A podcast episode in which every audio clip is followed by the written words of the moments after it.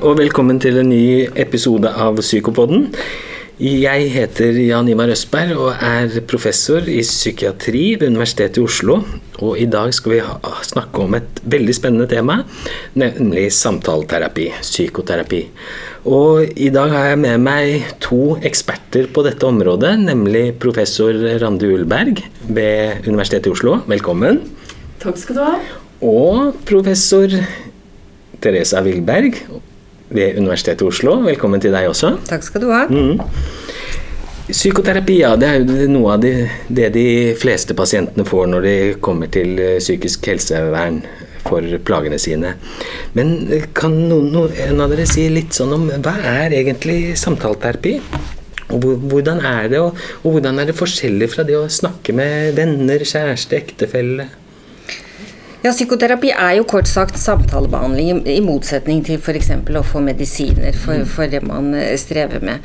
Og Går man i psykoterapi, så går man til en profesjonell med sine problemer, og man lager en avtale og en kontekst eh, rundt disse samtalene eh, som, gjør, som prøver, gjør, at man prøver å legge til rette for at pasienten kan snakke så fritt og åpent mm. eh, som mulig om problemene sine. Men å snakke sammen, det er jo viktig rent generelt. Mm. Men ø, psykoterapi er ikke en vanlig, konvensjonell samtale. Vi vet jo at det å snakke sammen med sine venner, eh, partnere, foreldre, eh, det er viktig rent generelt. Mm. Det å være åpen og personlig sammen med andre, vi vet at det styrker båndene mellom mennesker og gir nærhet. Eh, og er også viktig for rett og slett for kroppslig helse. Det er det mye forskning på. Mm. Eh, så det er jo veldig interessant. Men situasjonen er den at hvis man har psykiske eller følelsesmessige plager, så er det ofte sånn at man blir gående alene med det fordi man ikke greier å snakke så åpent med sine nærmeste. Og det kan være mange grunner til det.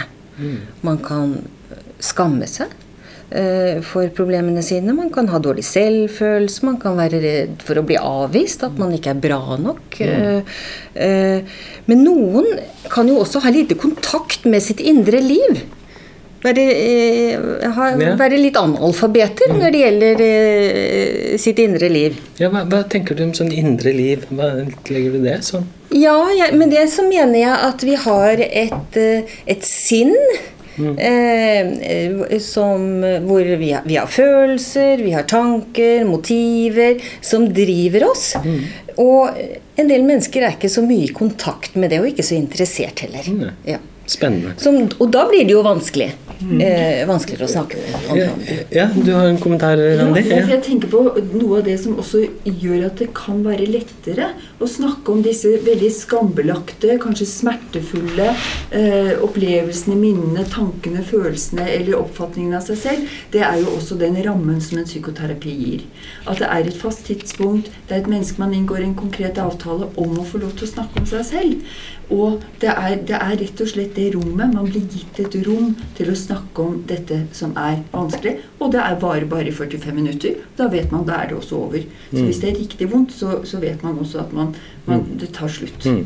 Så det er ganske store forskjeller mellom å snakke med venner og, og kjærester og ektefeller og sånn, og, eh, kontra å gå til en, en profesjonell psykoterapeut. Det er det.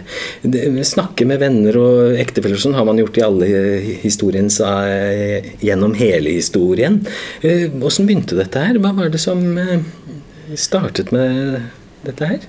Ja, vi må vel gå tilbake til Freud. Vi må vel det. Vi må det. Altså, Freud var en enorm kapasitet. Han var eh, lege, nevrolog i Wien. En fantastisk intellektuell som altså lagde The Talking Cure. Og det, Da systematiserte han. Han lagde rammer, og han fant ut at hvis folk kom til jevnlige samtaler, så ble det altså Dette kunne hjelpe folk.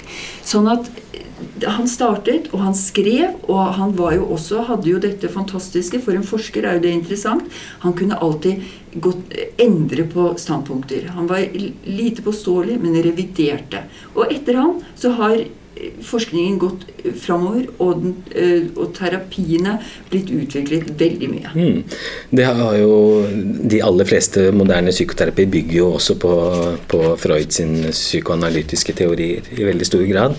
Eh, men jeg tenker litt sånn på Det er greit du er deprimert, du har en angst, du eh, trenger noen å snakke med i en eh, strukturert psykoterapi, som du sa, Randi. Hva, hva er målsettingene med det? Hva er målsettingen med å gå i samtaleterapi? Altså, Sånn som Therese og jeg, da, Mhm. og du også, vi er jo leger, og, men vi er også utdannet psykoterapeuter.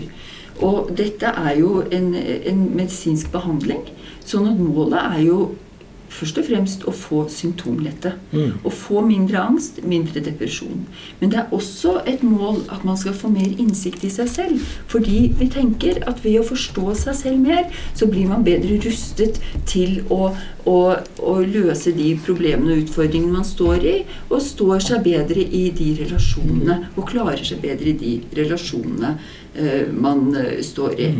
Og så er det selvfølgelig dette med å redusere tilbakefall. For vi tenker at uh, psykoterapi kan forebygge senere episoder med depresjon og angst f.eks. Og det er jo utgangspunktet at det er jo ingen liv som er uten utfordringer. Alle mennesker møter utfordringer i livet, så det dreier seg om hvordan man håndterer dem. Og gjennom psykoterapi så kan man kanskje lære seg å Eller gjøre seg erfaringer, da, sånn at man greier å håndtere eh, nye utfordringer på på mer hensiktsmessige måter. Ja, og der er det vel også det med forskningen viser at det forebygger tilbakefall, i motsetning til i den graden medisiner gjør det. Ja. Mm, det er.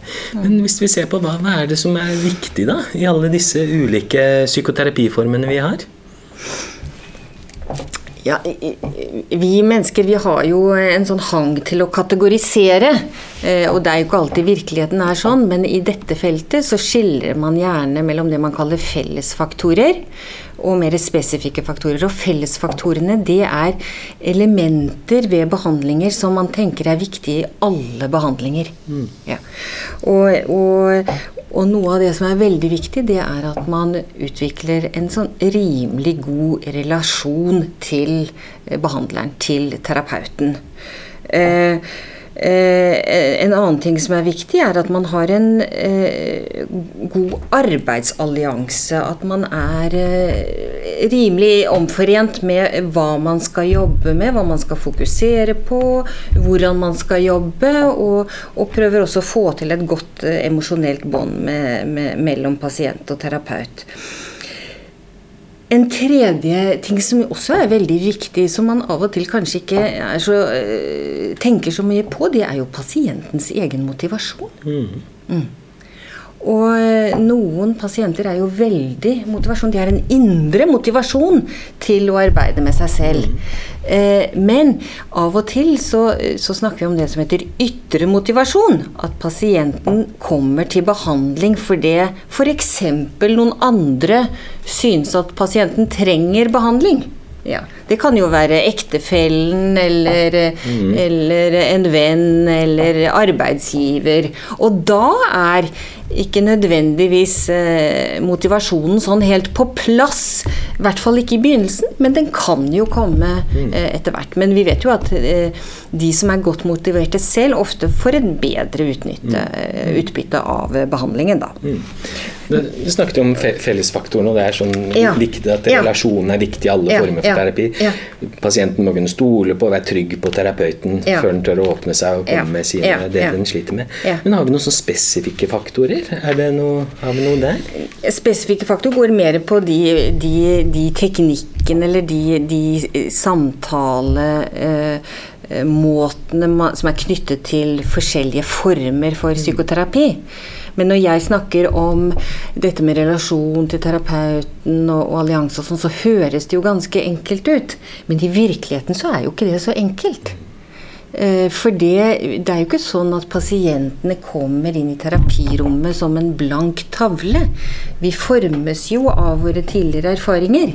Og det er også relasjonelle erfaringer som gjør at vi kanskje møter eh, folk på spesielle måter, eller har spesielle forventninger til, til andre mennesker. F.eks. så kan noen, eh, noen pasienter være ganske skeptiske, utrygge Eh, Jeg har ikke ordentlig tillit til at andre kan hjelpe en.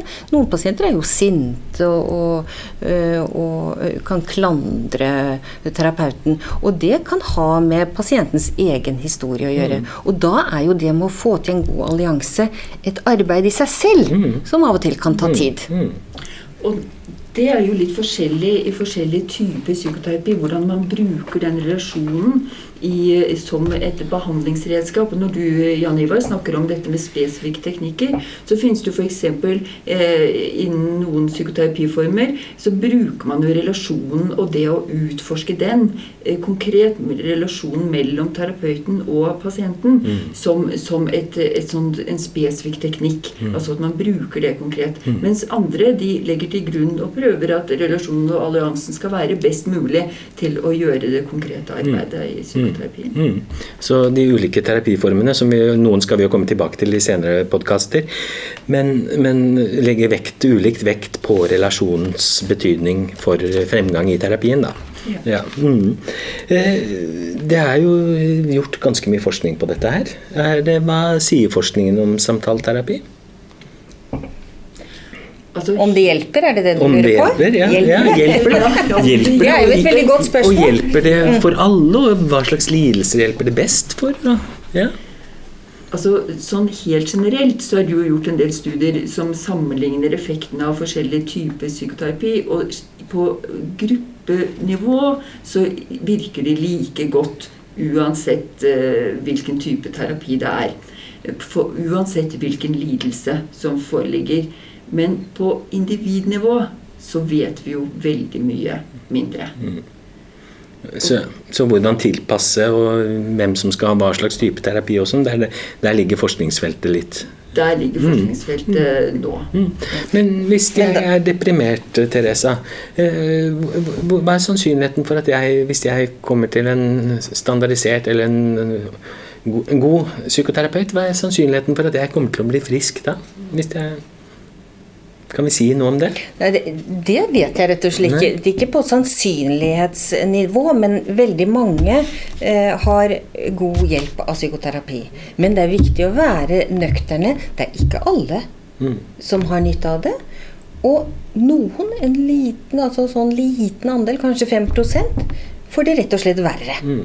Sånn at det er ikke noe sånn øh, øh, Bare du kommer deg i behandling, så vil alt gå så meget bedre. Sånn er det ikke. Mm. Nei. Nei, men de- de aller, aller fleste vil få det bedre. Eller?